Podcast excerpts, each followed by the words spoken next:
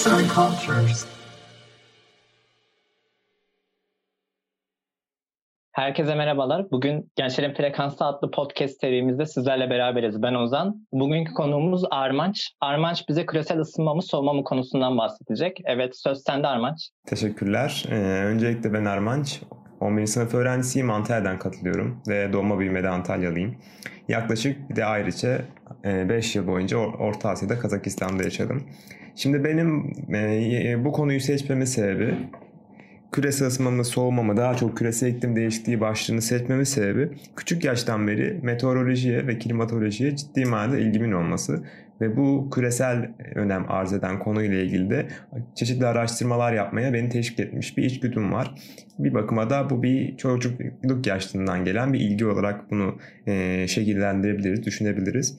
Şimdi neden böyle bir başlık e, ben oluşturdum? Küresel ısınma mı soğuma mı? Aklınızda hemen ya küresel ısınma diyebiliyoruz. Soğuma ne alaka diyebilirsiniz. Şimdi biz küresel ısınma terimini daha çok yaygın, popüler kültür altındaki bir terim olarak biliyoruz. Fakat bunun asıl bilimsel terimleri daha çok küresel iklim değişikliği ve küresel iklim krizi gibi değişik farklı e, isimlendirmeler, tanımlamalar var. En yaygın kullanılan küresel ısınma. Fakat küresel ısınma deyince bizim aklımızda acaba gerçekten doğru şeyler mi geliyor. Yani kafamızda, beynimizde biz bu küresel ısınmayı, küresel iklim değişikliğini doğru mu kodlayabilmişiz? Sadece kelime üzerinden bir anlam çıkarıyorsak bu ciddi bir hata. Yani gerçekten bütün küresel olarak bir ısınma mı oluyor? Bu mu bizim sorunumuz? Her yer ısınıyor mu? Bununla ilgili konuşacağım. Ve kısacası küresel ısınmaya, küresel iklim değişikliğine daha farklı bakış açılarından bakabilmeyi ve bunun yanında ve hayatımızda beynimizde kodladığımız her şeyi daha farklı bakış açılarıyla bakabilmeyi, öğrenmeyi, insanları teşvik etmeyi bu konuda istiyorum. İstiyoruz bence. Çünkü önemli bir şey bu. Ve benim ilk olarak bunları söyleyebiliriz. Bununla ilgili daha ilerisinde size bilimsel açıklamalar da yapacağım. Evet, aslında bize giriş olarak bahsettiğin şey küresel ısınmanın yaygın bilinişi fakat yan, e, doğru bilinen yanlış bilinişi tarzı bir durumdan bahsettin. Ee, anladığım kadarıyla aslında küresel ısınmanın tam olarak ne olduğunu ve bu e, yanlış zehirlenme diyelim, bilgi zehirlenmesini gidermeye çalışacaksın. Bize bunlar hakkında bilimsel dayanaklara dayanan bilgiler vereceksin. Ben de merakla bekliyorum aslında vereceğim bilgileri. O zaman bilimsel dayanaklarınla bize vereceğin bilgilere başlayabilirsin Armaç. Tamamdır, teşekkürler. Şimdi öncelikle bunun kökeni ne? Biz neden beynimizde bu tür terimleri tam olarak doğru bir şekilde kodlayamıyoruz? Çünkü bilgi eksikliği var ve bilginin dağıtımını yapan insanlar da bunu doğru bir şekilde yapamıyor. Gerekli aracılara ulaşamıyor diyelim. Kamuoyuna yeterince kendilerini, seslerini e, veremiyorlar. Böyle bir sıkıntıdan dolayı insanlar da kendi kafalarıyla bu da iyi bir şey aslında insanları her ne kadar direkt kafalarında belli bir kodlama yapsalar da kendilerini anlamaya iten, teşvik eden bir şey. Ama doğru değil. Bilgi eksikliğinden doğan sıkıntıları var çünkü. Şimdi küresel ısınma mı soğuma mı?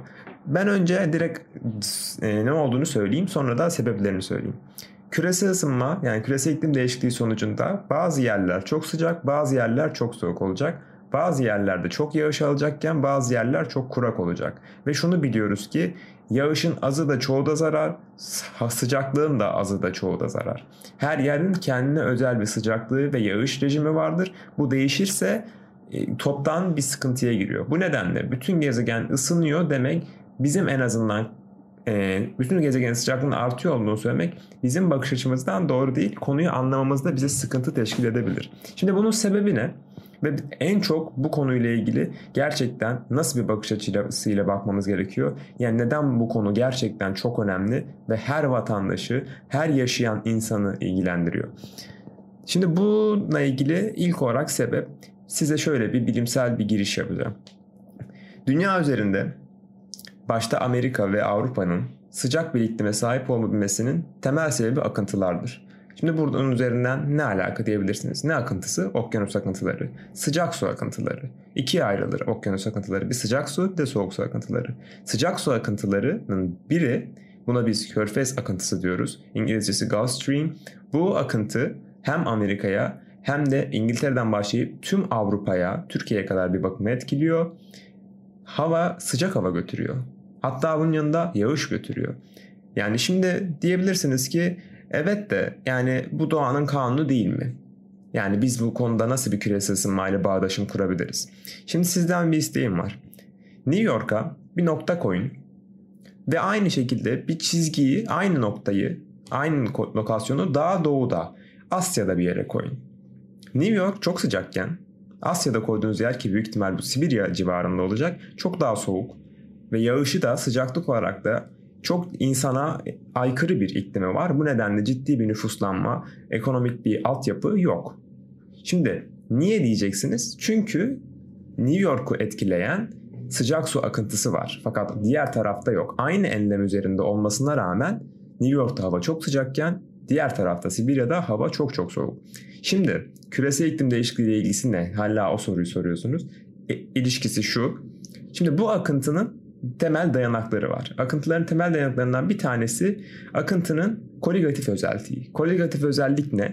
Kısacası hemen size şöyle söyleyeyim. Akıntının tuzluluk oranı. Yani o bölgedeki denizin tuzluluk oranı çok önemli. Şimdi bizim bildiğimiz üzere küresel ısınma sonucunda buzullarda ciddi bir kayıp, bir erime, suya karışma oluyor ya. Ve buzullar da tatlı sudur. Ve bu nedenle o bölgedeki yani Atlantik'teki tuzluluk oranı düşmeye başlıyor. Tatlı su karışıyor. Bu nedenle de akıntının zaman içerisinde bozulması ve sıcak su akıntısının sonunda direkt yok olması riski var. Ve eğer böyle olursa aynı New York'ta ve hemen hemen yine etkisi altında olan Londra'da, Avrupa'da ve bütün Amerika neredeyse aynı Sibirya'da tarzı bir iklime bürünebilir. Veya şu ankinden, şu anki iyi iklim koşullarından çok çok daha iklim koşullarına bir dönüşüme sebep olabilir bu akıntının durması. Ve bu Buradan nasıl bir sonuç çıkarabiliriz? Tüm dünyada neredeyse bütün bilimin, sanayinin, teknolojinin, ekonominin, gelişmişliğin, medeniyetin sahibi olan Amerika ve Avrupa kıtası hemen hemen neredeyse ciddi bir nüfuslanma komple etkileniyor bu akıntının durmasından. Ve zaten gezegenimizi neredeyse en üst temsil eden kıtalardan bir tane, iki tanesi bu, iki kıta. Bu nedenle en büyük devletler de neredeyse bu kıtalarda yer alıyor. Ve bu nedenle bizim bu konuya gerçekten çok önem vermemiz lazım. Başlıca Amerika'nın da ABD'nin değer vermesi lazım. Avrupa devletlerinin değer vermesi lazım ve gerekli aksiyonları, eylemleri alması lazım. Bu şekilde bir bakış açısını da oluşturmuş olacağım, olduğumuzu düşünüyorum. Yani birincisi kafamıza doğru kodluyor muyuz? İkincisi sonuçlarını yani doğurabileceği sonuçları da tam anlamıyla biliyor muyuz? Bunu da bilmiyoruz çünkü. Mesela bu söylediğim şeyi çoğu insan maalesef bilmiyor. Neden? Çünkü bunun tam anlamıyla e, bu bilginin dağıtımı yapılmıyor. Neden yapılmıyor? Çünkü en başta söylediğim sorunlardan dolayı tam anlamıyla kamuoyuna bilim adamları kendileri seslerini duyuramıyorlar. Şimdi bundan sonra da biz bu konuyla ilgili özellikle devletler ne tür eylemler alabilir? Bundan bahsedeceğim. Evet Ermenç, bize küresel ısınmanın ve e, küresel ısınmanın aslında başka bir boyutundan bahsettin. E, bu e, sıcak su akıntıları ve soğuk su akıntılarından bize bahsettin. Ee, sıcak su akıntısının ne işe yaradığından, soğuk su akıntısının ne işe yaradığından ve sıcak su akıntısının eğer e, zarar gördüğünde veya küresel ısınmadan etkilendiğinde daha doğrusu e, ülkelerin nasıl sorunlar yaşayacağından bahsettin. Özellikle Amerika ve Avrupa kıtasının bu sorunlarda karşı karşıya kalacağından bahsettin. Ve e, şimdi devam eden nitelikte ülkelerin bu konularla ilgili aldığı önlemlere değineceksin sanırım. Evet alması gereken önlemleri daha doğrusu. Yani bu önlemlerin çoğu biliniyor bilinmeyenler de var tabii ki. Yani yeni fikirler daima doğabilir. Şimdi bildiğimiz üzere bu konunun yani bu küresel iklim değişikliğinin en büyük muhatabı anayasal organa bağlı olan tüm devletler. Yani dünya üzerinde var olan bütün devletler. Birleşmiş Milletler üyesi olan neredeyse bütün devletler. Şimdi bu devletlerin e, hukuki bir süreç içerisinde bu sorunları gerekli yasaları yürürlüğe sokarak veya sokmayarak kendi işlerinde veya uluslararası mekanizmalar altında sorunlara karşı çözümler üretmeleri gerekiyor. Bunu da genellikle hukuki bir zeminde yapıyorlar. Şimdi şöyle bir sıkıntımız var. Ee, gerçekten bu devletleri niye bu kadar ilgilendiriyor bu sorun? Açıkladığım gibi yani direkt zaten o akıntının durmasıyla birlikte büyük devletler çok ciddi kayıplara uğrayacak ve diğer devletlerin de umurunda olması gerek umurunda olmaması gerekmez mi şimdi mantık? Yani Asya ülkeleri o zaman hiç ciddiye almasın diyebilirsiniz. Fakat bu da doğru değil. Neden? Şimdi bu devletlerin sınırları altında yani Avrupa ve Amerika'daki devletlerin sınırları alt, iç, içerisinde yaşayan insanlar bu iklim sıkıntısı ortaya çıktıktan sonra göç etmek zorunda kalacaklar yaşadıkları yerlerden. Ve göç edecekleri yerlerde daha iklimi bir bakıma daha uygun olan ülkeler olacak. Diğer devletlerde bu sefer göç tehlikesi altında kalacak. Bu nedenle bu sorun bütün devletleri ilgilendiren bir sorun aslında. Yani biz şey diyemeyiz. Amerika ve Avrupa sadece bunun muhatabı diyemeyiz. Onlar bir sıkıntıya girdiğinde orada yaşayan insanlar bu sefer diğer ülkeler için bir bakıma tehdit demeyelim de bir sıkıntı arz edecek. Şimdi bunun üzerinden hukuki süreçler neden tam anlamıyla e, hep tıkanıyor, gerçekleştirilemiyor? Bizim bildiğimiz süre bugüne kadar yapılmış birçok protokol ve antlaşma var. İklim adaleti ve iklim değişikliği kapsamında Kyoto protokolü var. En son Paris Antlaşması yapıldı. Fakat baktığımız zaman genellikle özellikle büyük devletler zaman içerisinde bu protokollerden, antlaşmalardan çıkıyor. Bildiğimiz üzere Paris Antlaşması'ndan ABD birkaç yıl evvel çıktığını duyurdu. Şimdi neden böyle oluyor? Böylesine önem arz eden evrensel bir konu hakkında devletler nasıl bu kadar cüretkar davranabiliyorlar? Bu kadar cesaret edip direkt çıkarıyorlar kendilerini. Şimdi bizim bildiğimiz üzere devletler arası rekabet vardır. Şimdi eğer bir devlet çıkarsa, büyük bir devlet çıkarsa bu tür bir antlaşmadan mesela Paris Antlaşması'ndan bu sefer diğer devletler diyor ki ya bu devlet çıktı benim ne işim var? Çünkü mantıken bu tür antlaşmalar ülkelerin ekonomik e, altyapısına bir bakıma zarar veriyor. Neden? Şimdi mesela yenilenebilir enerji kaynaklarına geçiş için ciddi bir ekonomik altyapı lazım. Gibi gibi gibi sorunlardan. Ve Amerika bunlardan e, şey yapınca çıkınca Rusya diyor ki ya ben niye o zaman yenilenebilir enerji için böyle yasalar yapıyorum? Ben de yapmıyorum diyor. Çin de ben de yapmıyorum diye bu yine başa dönüyoruz. Şimdi bu sorun ama hala devam ediyor. Yani çözülen bir şey yok. Şimdi yapılması gereken bir şey var. Bizim gençler olarak düşündüğümüz belli gruplar dahilinde çalışıyoruz. Düşündüğümüz bir şey var. Eğer ki evrensel kabul gören bir hukuki zemin üzerinde oluşturulmuş bir bildirge veya bir beyanname yazılı bir şey olmadığı sürece aynı senetler gibi bu sorunlarla ilgili istediğiniz kadar antlaşma ve protokol yapın sonuç alamayacağız maalesef. Görüyoruz da bunu alamıyoruz da gerçekten. Şimdi biz peki bizim çözümümüz ne? Biz e, yaklaşık birkaç ay evvel, yak, birkaç ay boyunca süren bir projede yer aldık. Bu projenin e, çeşitli otoriteler altında yapıldığını söyleyeyim. UNICEF ve ICAD özellikle en öne çıkan otoritelerdi. Ve e, iklim adaleti ve çevre hakları evrensel beyannamesi diye bir proje hazırladık. Ve bu projeyi de gerçekleştirip başarılı bir şekilde tamamladık. Ve bu beyannameyi de bu videonun altındaki iChild'ın koymuş olduğu linkten ulaşabilirsiniz. iChild'ın kendi sitesinden de ulaşabilirsiniz. Bu biz bu bildirgeyi niye hazırladık? Şimdi ondan bahsedeceğim. Evet e, aslında söylediğin şey gerçekten çok ilginç. Böyle küresel bir sorunu yani bütün dünyadaki bütün insanlara ilgilenen bir sorun üstüne bu kadar e, düşülmemesi veya e, görmezden gelinmesi bana da ilginç geliyor. E, küresel iklim sorunu için dediğim gibi evrensel bir beyannameye ihtiyaç var belki de ve ülkelerin bu sürü psikolojisiyle ben çık o çıkıyorsa ben de çıkarım gibi e, psikolojiyle hareket etmeleri bu durumu aslında hafife aldıklarını da gösteriyor bir yandan. E, kendi çıkarlarını düşünüyorlar fakat e, evrensel bir çıkar burada düşünülmesi gereken şey. E, dediklerine ben de katılıyorum gerçekten. Çok doğru yerlere parmak bastın. Peki bu beyannameden bize biraz bahseder misin? Teşekkürler.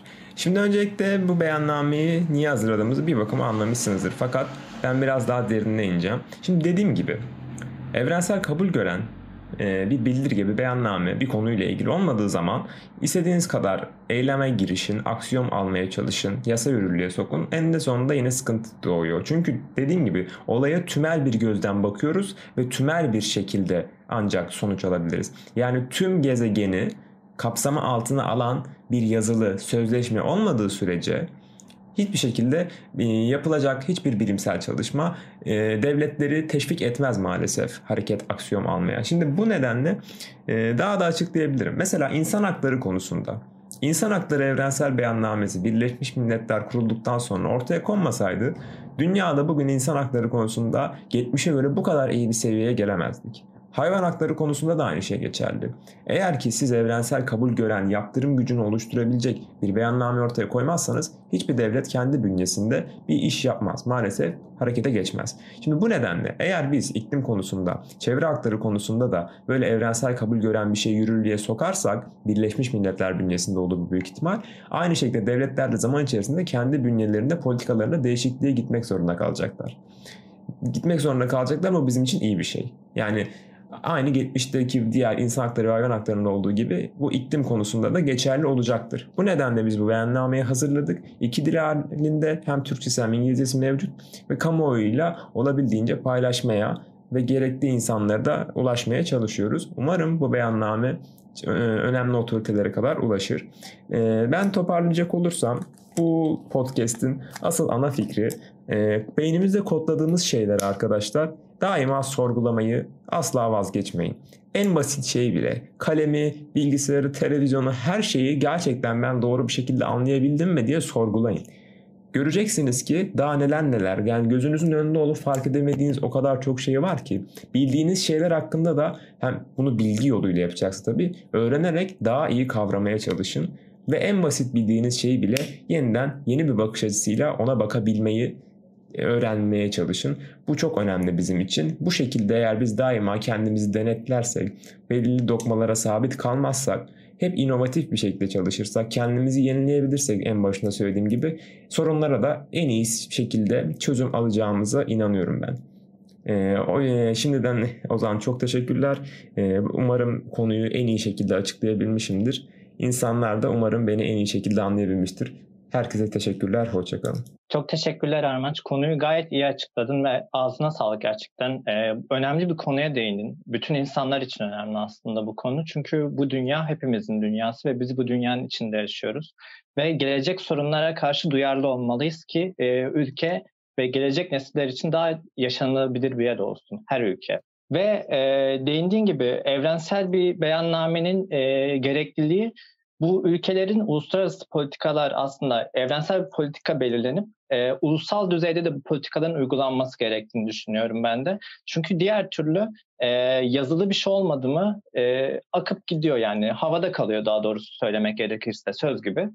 E, o yüzden çok güzel yerlere parmak bastığını düşünüyorum Armanç. Umarım dinleyen insanlar için de ufuk açıcı olur ve farklı perspektiflerden bakmak, sorgulamak kesinlikle e, çağımızın bence en gerekli şeyi. Yani ben öyle düşünüyorum. E, sorgulayalım, sorgulayan insanlar olalım, farklı perspektiflerden bakalım ve hiçbir şeyin gerçekliğine ilk bakışta inanmayalım arkadaşlar. Hepinize bizi dinlediğiniz için teşekkür ederiz. Bir sonraki podcast serimizde görüşmek üzere. Kendinize iyi bakın.